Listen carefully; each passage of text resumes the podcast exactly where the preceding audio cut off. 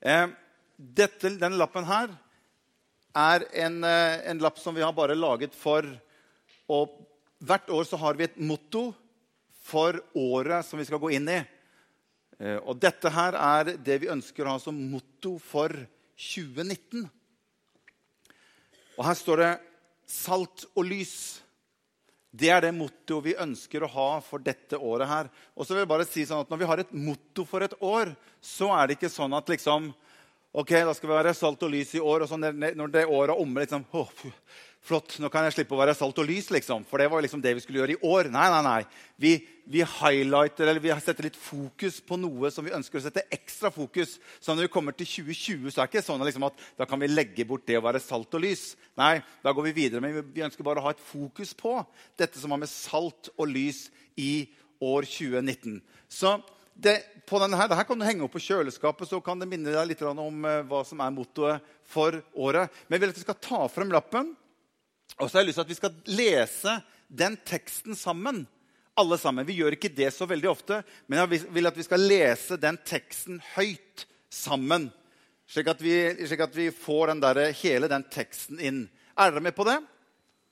Er dere med på det? Dere er her? Flott. Fint. Da leser vi sammen fra Matteus kapittel 5 og vers 13 til 16. Vi leser. Dere er jordens salt, men hvis saltet mister sin saltkraft, hvordan skal det da kunne bli salt igjen? Da er det ikke godt for noe annet enn å kastes ut og bli tråkket ned av menneskene. Dere er verdens lys. En by som ligger på et fjell, kan ikke skjules. Man tenner heller ikke en lampe og setter den under et kar, men i en lampeholder. Da gir den lys til alle som er i huset. På samme måte skal dere la lyset deres skinne for menneskene, slik at de kan se de gode gjerningene deres og ære deres far, han som er i himmelen. Amen. Dette er en tekst som er hentet ut fra Jesus sin bergprekenen hvor han snakker om at dere er jordens salt, og dere er jordens lys. Så Jeg skal komme tilbake til den teksten etterpå. Men jeg har i hvert fall veldig lyst til å starte med å si riktig godt nyttår til dere alle sammen på vegne av Anette og meg. Så har vi lyst til å ønske dere alle en riktig riktig godt nyttår. Og tusen, tusen takk til alle sammen for det året som har vært. Jeg vet ikke om vi sier det lenger nå, men vi sa godt nytt takk for det gamle. sa vi før. Sier man det nå? Som, jeg har sagt det til noen, så bare ser de veldig rart på meg. Takk for det gamle. Unnskyld, hva betyr det? Men vi pleide å si takk for det gamle. Det vil da si det året som, som har vært. Men jeg har bare lyst til å si en, en, hjertens, hjertens takk til alle dere som er en del av denne kirken her og som, som, som uh, sogner til denne kirken her. Jeg vil si takk til alle dere som er med og bidrar inn i kirken her med dine gaver og dine talenter og din tid og dine ressurser. Så mange mennesker som er med og sår inn i denne kirken her, sånn at vi kan få lov til å være med og fortsette å bygge den kirken som vi tror Gud ønsker at vi skal bygge på dette stedet. Med den visjonen som vi opplever at Gud har gitt oss på dette stedet. Så tusen, tusen hjertelig takk for alt dere har vært med og bidra med i året som har gått. Amen. Jeg syns vi kan gi oss sjøl en applaus for det. Yes! Bra. Jeg vil også si, Vi hadde en liten sånn kampanje eh, som vi kalte for 'Tusen takk' eh, rett før, eh, før, nyttår. Og eh, den gikk fantastisk bra. Jeg spurte Jørgen sånn, hvordan, hvordan gikk det med den Tusen takk-kampanjen. Jo, vi endte på 130 000 i den Tusen takk-kampanjen. Vi hadde satt som mål 143 men vi kom helt opp på 130 000 på den Tusen takk-kampanjen. Som er liksom utover det vanlige, og det er jo fantastisk bra. Og når jeg legger deg på evangelistpålegget, så er vi oppe i 143 000 med en gang. Så det er kjempebra. Er ikke det bra? Det er dere det er dere her som er med og bidrar til dette. Og det er veldig veldig bra. Så tusen hjertelig takk skal dere ha for det. Eh, vi, skal i, vi, skal gå inn i, teksten, og det er to punkter som jeg skal dele i formiddag. Du kan sikkert gjette de to punktene. Det første punktet er du er, eller vi er salt. Og det andre punktet er vi er lys. Jeg skal ikke tale veldig veldig lenge. Jeg merker at noen av dere er, noen av oss er liksom litt sånn, vi har liksom ett ettereffekt, bieffekter fra julens masse middager og godteri. og sånt noe. Så det er, det er noe sånn som vi må liksom få vekk liksom i løpet av en 14 dagers tid etter nyttår. Men sånn er det alltid. Men jeg skal ikke holde på lenge. Men gi meg noen minutter, så har jeg lyst til å dele noe som jeg opplever ligger meg på hjertet. Som jeg opplever Gud har lagt meg på hjertet, og lederskapet på hjertet. Som jeg ønsker skal være noe som skal betone seg inn i vår kirke til alle oss som er en del av denne kirken her. Punkt nummer én du er salt. Jesus er jo veldig flink til, og han talte i sin tid, så brukte Jesus veldig ofte bilder og han brukte ofte lignelser når han talte. Eh, og På den tiden der i jødedommen så var det veldig vanlig å bruke lignelser hvis man skulle forklare noe. Og Derfor så bruker ofte Jesus Benjamin han sendte meg en SMS her forrige dag. så sa han, jeg husker ikke helt hva det sto, men et eller annet om hvorfor talte Jesus ofte i lignelser. Og burde vi talt mer i lignelser hvis det er veldig smart, som gjør at folk forstår. Og det er, det er sant. Det er en, en, god måte. Lignelser blir ofte brukt for å forklare åndelige sannheter på en jordisk måte.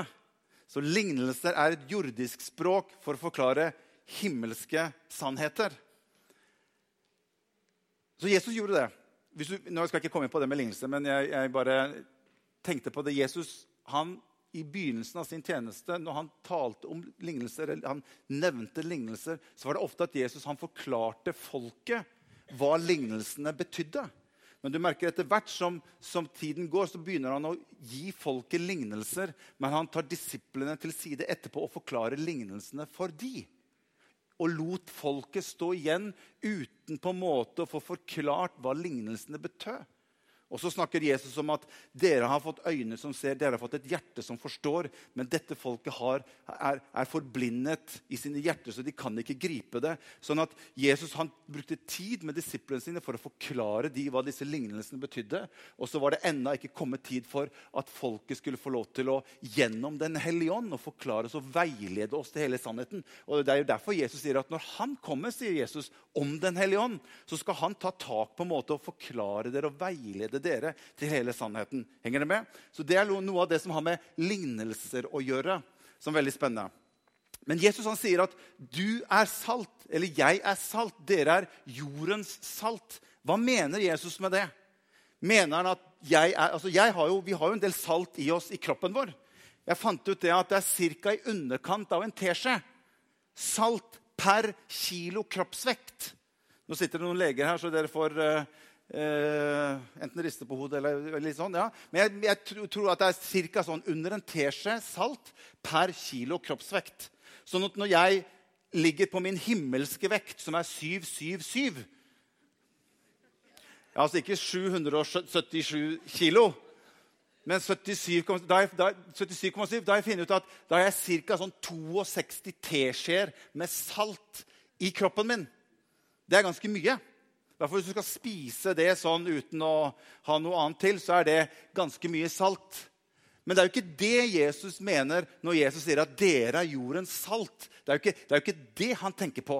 Nei, Jesus snakker her om at dere er innflytelsesrike i det samfunnet og i den verden dere bor. For salt har med innflytelse å gjøre. Salt har med at det påvirker de omstendighetene rundt seg hvor saltet er. Og det er det Jesus prøver å forklare til folket. Dere er jordens salt. Dere er de som kan påvirke og influere den samtid og det samfunn som dere er en del av. Og Det er det som jeg synes er så spennende når Jesus snakker om dette med salt. At saltet er noe som påvirker sine omgivelser. Og Bibelen snakker faktisk ganske mye om salt.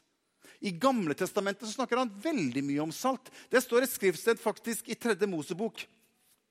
Jeg vet ikke om du har tenkt på det noen gang, men oppimot offergavene i Det gamle testamentet, i den gamle pakt, så var salt en viktig del av offertjenesten i tabernakelet, i tempelet. Der står det i kapittel 2, vers 13.: Hver offergave, står det. Hver offergave av grødofrene dine skal du krydre med salt. Du må ikke la det mangle salt fra din Guds pakt i grødofferet ditt. Gamle testamentet snakker faktisk også om saltpakt. Så viktig var saltet, og det var et symbol, det var et bilde fra Guds side som han brukte. Sammen med alle offergavene dine skal du komme fram eh, Sammen med alle offergavene dine skal du komme fram med salt. Hva betyr dette? Jo, det betyr at salt, det vet vi at det bevarer. Det symboliserer noe. Salt har en bevaringskraft i seg og bevarer det det blir lagt over. Og, og, Bevaringseffekten i saltet i Bibelen er også et bilde på Guds evighet. Han ønsker, han ønsker, å bevare deg og meg til evig tid. Så bevaringseffekten, bevaringssymbolet, kjennetegner av Guds evighet i våre liv. Derfor tror jeg at, at når Gud sier til oss at 'dere er jordens salt', så sier han at det er to ting som han sier. For Jesus han sier, jeg tror jeg har et skriftsted på det også, i Johannes kapittel 17. For Når Gud sier at vi er jordens salt, så betyr det at vi er med på å forhindre at denne verden forgår. Vi er motstanden til at verden, samfunnet vårt, forderves. For hvis vi trekker Gud, hvis vi trekker alle troende ut av verden, så vil denne verden forgå. Den vil, den vil forderves ganske kjapt. Derfor så er du og jeg, derfor så alt som har med Guds rike å gjøre, deg og meg som troende, vi er en motvekt til at denne verden forgår og forråtnes. Henger du med? Og Det er dette Jesus prøver å forklare for folket. Dere er jordens salt. Og når Jesus ber denne kraftfulle bønnen, som det står i Johannes kapittel 17, og vers 15, der sier han, 'Jeg ber ikke om at du skal ta dem ut av verden, sier han til sin far, men at du skal bevare dem fra det onde. Så Gud bevarer deg og meg, slik at vi kan få lov til å være med og bevare samfunnet rundt oss. Han tar oss ikke ut. Det er ikke sånn at når du og jeg tar imot Jesus, ja, så henter han oss bare hjem. Nei, han ønsker å bevare oss i denne verden. Vi har jo ofte snakket om at ja, vi må holde ut til enden. Bibelen snakker faktisk ikke så mye om dette med å holde ut til enden. Han snakker flere ganger i Bibelen at han har sagt og han har lovt at han skal bevare oss gjennom alle ting. Det står det mer om. Og Gud ønsker å bevare oss fra det onde. Og det bevaringsordet, det har med salt å gjøre. For salt, det bevarer, og salt, det influerer. Amen. Dere er jordens salt. Dere, vi er bevaringskraften i samfunnet. Vi er på jobben vår, på skolen, på universitetet. Overalt hvor du og jeg er, der er vi salt som kan, kan influere og bevare for forråtnelse. Salt får ting til å smake godt, har jeg skrevet her. Er det noen av dere som La oss være ærlige. Er det noen av dere som, som salter maten før du har smakt på den? Få se en ærlig hånd. Så det er ganske mange. Det har jeg lurt på noen ganger. Hvor kommer det fra? Altså, Det må jo være ut av erfaring. Det, det må jo være ut av erfaring. Som, som regel så er altså man, Før man har smakt, så salter man.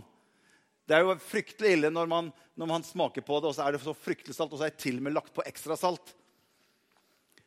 Men salt gjør at ting smaker godt. Og hør, jeg tror du og jeg har et kall for oss for å, for å få Gud til å smake godt. Amen? Ja, på hvilken måte da? Til og med så står det i Bibelen at smak og se at Herren er god. Hvem er det som kan gjøre det? Jo, det er du og jeg ved å være salt. Bibelen snakker, og Jesus snakker faktisk her om ubrukelig salt. snakker han om. For han snakker om at hvis, hvis, hvis, saltet mister sin saltkraft, hva kan det da saltes med? Og hva er det Jesus mener for noe her? Hvis du går inn på, jeg, Av og til så dykker jeg liksom litt ekstra ned i skriften. Da går jeg liksom inn på gresken og så sjekker jeg litt hva som står på grunnteksten. Når Jesus snakker om at dere er jordens salt, så sier han hvis saltet mister sin saltkraft De tre ordene 'mister sin saltkraft' det er bare ett gresk ord. Og det greske ordet det betyr egentlig å være en dåre eller en dum eller idiot. Det er jo egentlig det. Det er det engelske, teksten, engelske språket for moron ifra. You're a moron. Some English people understand this. Yes, you're a moron. Okay. It means that you're Yes. Det er det ene greske ordet som står når Jesus sier 'mister sin saltkraft'. Hva er det Jesus prøver å si? Han prøver å si at vi kan, være, vi kan bli dåraktige i det å være salt, sier han. Det samme ordet som står på gresk her, det er blitt brukt fire ganger andre steder i Nytestamentet. Jeg får ikke tid til å gå inn på det nå. Men alle de andre stedene så oversettes det ikke med 'mister sin saltkraft', men det oversettes med 'dåraktige'. Så det Jesus prøver å fortelle folket, det er at hvis vi er uviselige, hvis vi er dåraktige, så kan vi miste noe av evnen vår til å ha en god innflytelse i det samfunnet som vi er. Derfor sier Jesus at vær viselige, vær forstandige, men ikke mist kraften til å være med og bevare og influere. Jeg tror det går an å ha kraft i saltet sitt uten at vi skal være dåraktige og dumme. i det. For det står om at et dårlig salt, det de gjorde på den tiden med salt som var dårlig, det var at de kastet det på gatene eller på veiene sine. Og de tråkket på det, og på den måten så hindret de at gress drev og vokste opp alle steder der hvor de skulle gå. Så det saltet som var dårlig, det lot de bare gå ut på gatene, og det gjorde at alt, holdt på å si, alt døde jo rundt rundt der hvor det saltet var. Men det er jo ikke det som er meningen med, med, med, salt. Det er ikke at alt skal dø rundt omkring deg og meg. Nei, Det skal være med å gi en smakebit på hvem Gud er. Og Det er det du og jeg er kalt til. Og Det er derfor vi ønsker å, å løfte opp dette. Du og jeg vi er jordens salt. På jobben, på arbeidsplassen, i klasserommet. Der er du salt. Og når du har Jesus på innsiden, så hør, du trenger ikke alltid å si så mye, men bare det at du er bevisst på at der jeg er, er jeg salt. Så vil det være noe som skjer i atmosfæren rundt deg. Du og jeg vil, vil være med på å påvirke omgivelsene rundt oss der vi er. Og det er det vi ønsker. Det er det vi ønsker at denne kirken, der vi er overalt, så har vi det langt oppe i bevisstheten vår at jeg er salt der jeg er. Jeg påvirker der jeg er. Og den kraften som er i deg, det står, den er sterkere enn den som er i verden. Hei sann! Amen! Fantastisk. Punkt nummer to. Du er lys. Jeg er lys. Du er lys. Dere er jordens lys. Men jeg trodde at det var Jesus som var verdens lys. Hva skal vi, hva skal vi, er, det, er, det, Jesus som er verdens lys, eller er det jeg som er verdens lys? Og Jesus han er veldig klar på, Vi skal bare lese noen skrifter sammen. Følg med hva som står i Johannes kapittel 8. For Jesus er veldig klar når han er her nede. Johannes kapittel 8, vers 12. Der sier Jesus, Igjen talte Jesus til folk og sa, 'Jeg er verdens lys', sa han. 'Den som følger meg, skal ikke vandre i mørket, men ha livets lys'. Og Jesus fortsetter i kapittel 9, og vers 5, så sier han, 'Så lenge jeg er i verden, er jeg verdens lys'. Og så skjer det noe i Jesus' sin undervisning i i Johannes eh, det, skjer en, det, skjer en, forandring. Vi skal ikke gå opp på det skriftstedet enda, Men når vi kommer til kapittel 12, så skjer det en lite skifte hvor Jesus begynner å gjøre disiplene klare for noe. Han, han gjør dem egentlig klare for enden. For du kan se at Jesus han, han, begynner å snakke annerledes om dette lyset i kapittel 12 i Johannes. Når du kommer til kapittel 13, så leser vi om hvordan Jesus vasket disiplenes føtter. Går du i kapittel 14, og 15 og 16, så ser du det siste måltidet som vi har hatt her. Siste måltidet som Jesus hadde med alle sine disipler. I kapittel 17 så leser vi om hvordan Jesus blir tatt til fange i, i, i Getsemane-hage. I kapittel 18 så blir han stilt fram for Pontus Pilatus. Og I kapittel 19 så dør Jesus og står opp igjen ifra de døde. Men i kapittel 12 så skjer det en liten forandring. Og Hvis du går til kapittel 12 og vers 35, så skal vi lese det sammen. For der sier, det, der sier Jesus ennå en liten stund er lyset hos dere. Dere må vandre mens dere har lyset, så ikke mørket faller over dere. Den som vandrer i mørket, vet ikke hvor han går hen. Så sier han, 'Tro på lyset mens dere ennå har lyset'. Og så sier han, 'Så dere kan bli lysets barn'. Så her har han vært veldig klar på at 'jeg er verdens lys'. Men dere har meg en liten stund til. Men etter at jeg har fart herifra, så er det dere som er verdens lys. Og dette er Jesus veldig, veldig klar for. I dag er det vi som er Jesus her på jorden. Det eneste lys som kan lyse opp for mennesker, det er du. Og det er jeg. Det finnes ikke noen andre måter. Gud forholder seg til i utgangspunktet til deg og meg som hans lys her på jorden. Det er du og jeg som reflekterer Jesus her blant de som vi er blitt satt for. Dere er jordens lys. Men skal ikke noen andre Nei, jeg er det Jeg er Jesus her nede på jorden nå. Jeg er jordens lys. Og Så sier Jesus noe, og det var det jeg følte liksom, Herren trykket litt på. Han sier, 'Man tenner heller ikke en lampe og setter den under et kar.' Jeg vet ikke om det var noen av dere som jeg fikk høre når jeg var på i jobbsammenheng, så var det veldig mange som sa at ja, du skjønner, troen det er en, en, pri, en privatsak. Nei, nei, nei. Troen nei, det er en privatsak. På en måte så er den privat, men det er ikke en privatsak. Det er det Jesus sier. Hva nytte har det å få lys i en lampe hvis du skal sette den under et kar?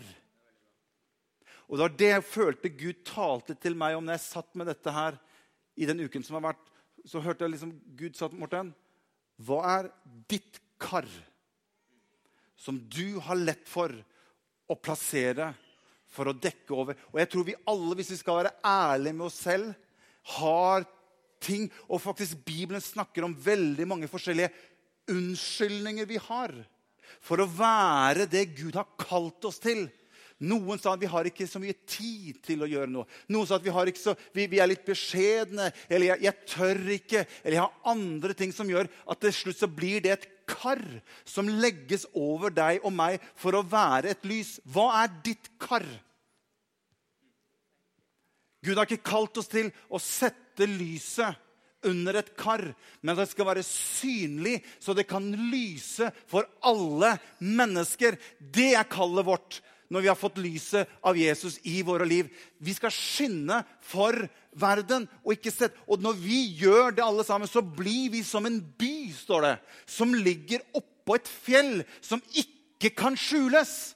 Tenk deg nå hvis vi tar bort alle disse unnskyldningene våre for at jeg, jeg, tør ikke, eller jeg er ikke så frimodig, jeg er litt beskjeden, jeg har ikke, jeg ikke tro på at det går an. Vi må få bort disse karene. For jeg tror når jeg satt, tenkte, når jeg satt på dette, så kjente jeg at den onde har for lenge siden holdt disse karene over oss, som gjør at vi har nesten ikke tro på at litt lys kan utgjøre en forskjell. Men hør, den onde har lenge nok holdt dette karret over deg og meg. Det er på tide at vi tar bort dette karret være, og at ingenting skal hindre meg i å være salt og lys i denne verden. Det trenger ikke være så voldsomt mye, men ha tro på at du er salt og lys i denne verden. Og Guds kraft som bor i deg og meg, den vil virke mennesker mot Jesus. Det er det jeg opplever at Gud legger oss, på hjertet for 2019. At du og jeg vi skal være en kirke som ikke er beskjeden for hva vi tror på. At du og jeg vi skal være et folk som ikke bare har, har, har kristenlivet som en slags søndagshobby. Nå er tiden kommet for at de menneskene rundt deg skal få lov til å oppleve at du er salt og du er lys. Nå er det på tide at dine kollegaer får lov til å oppleve at det fins en Gud som elsker dem. Nå er det på tide at dine venner rundt deg får lov til å høre at det fins en Jesus som har tatt all synd og sykdom på seg. Nå er det på tide at ekteskap kan bli restaurert helbredert, og at syke mennesker kan bli helbredet. La oss få bort alle disse karene som står i veien for at vi kan være salt og lys i den verden vi lever i. I Jesu navn!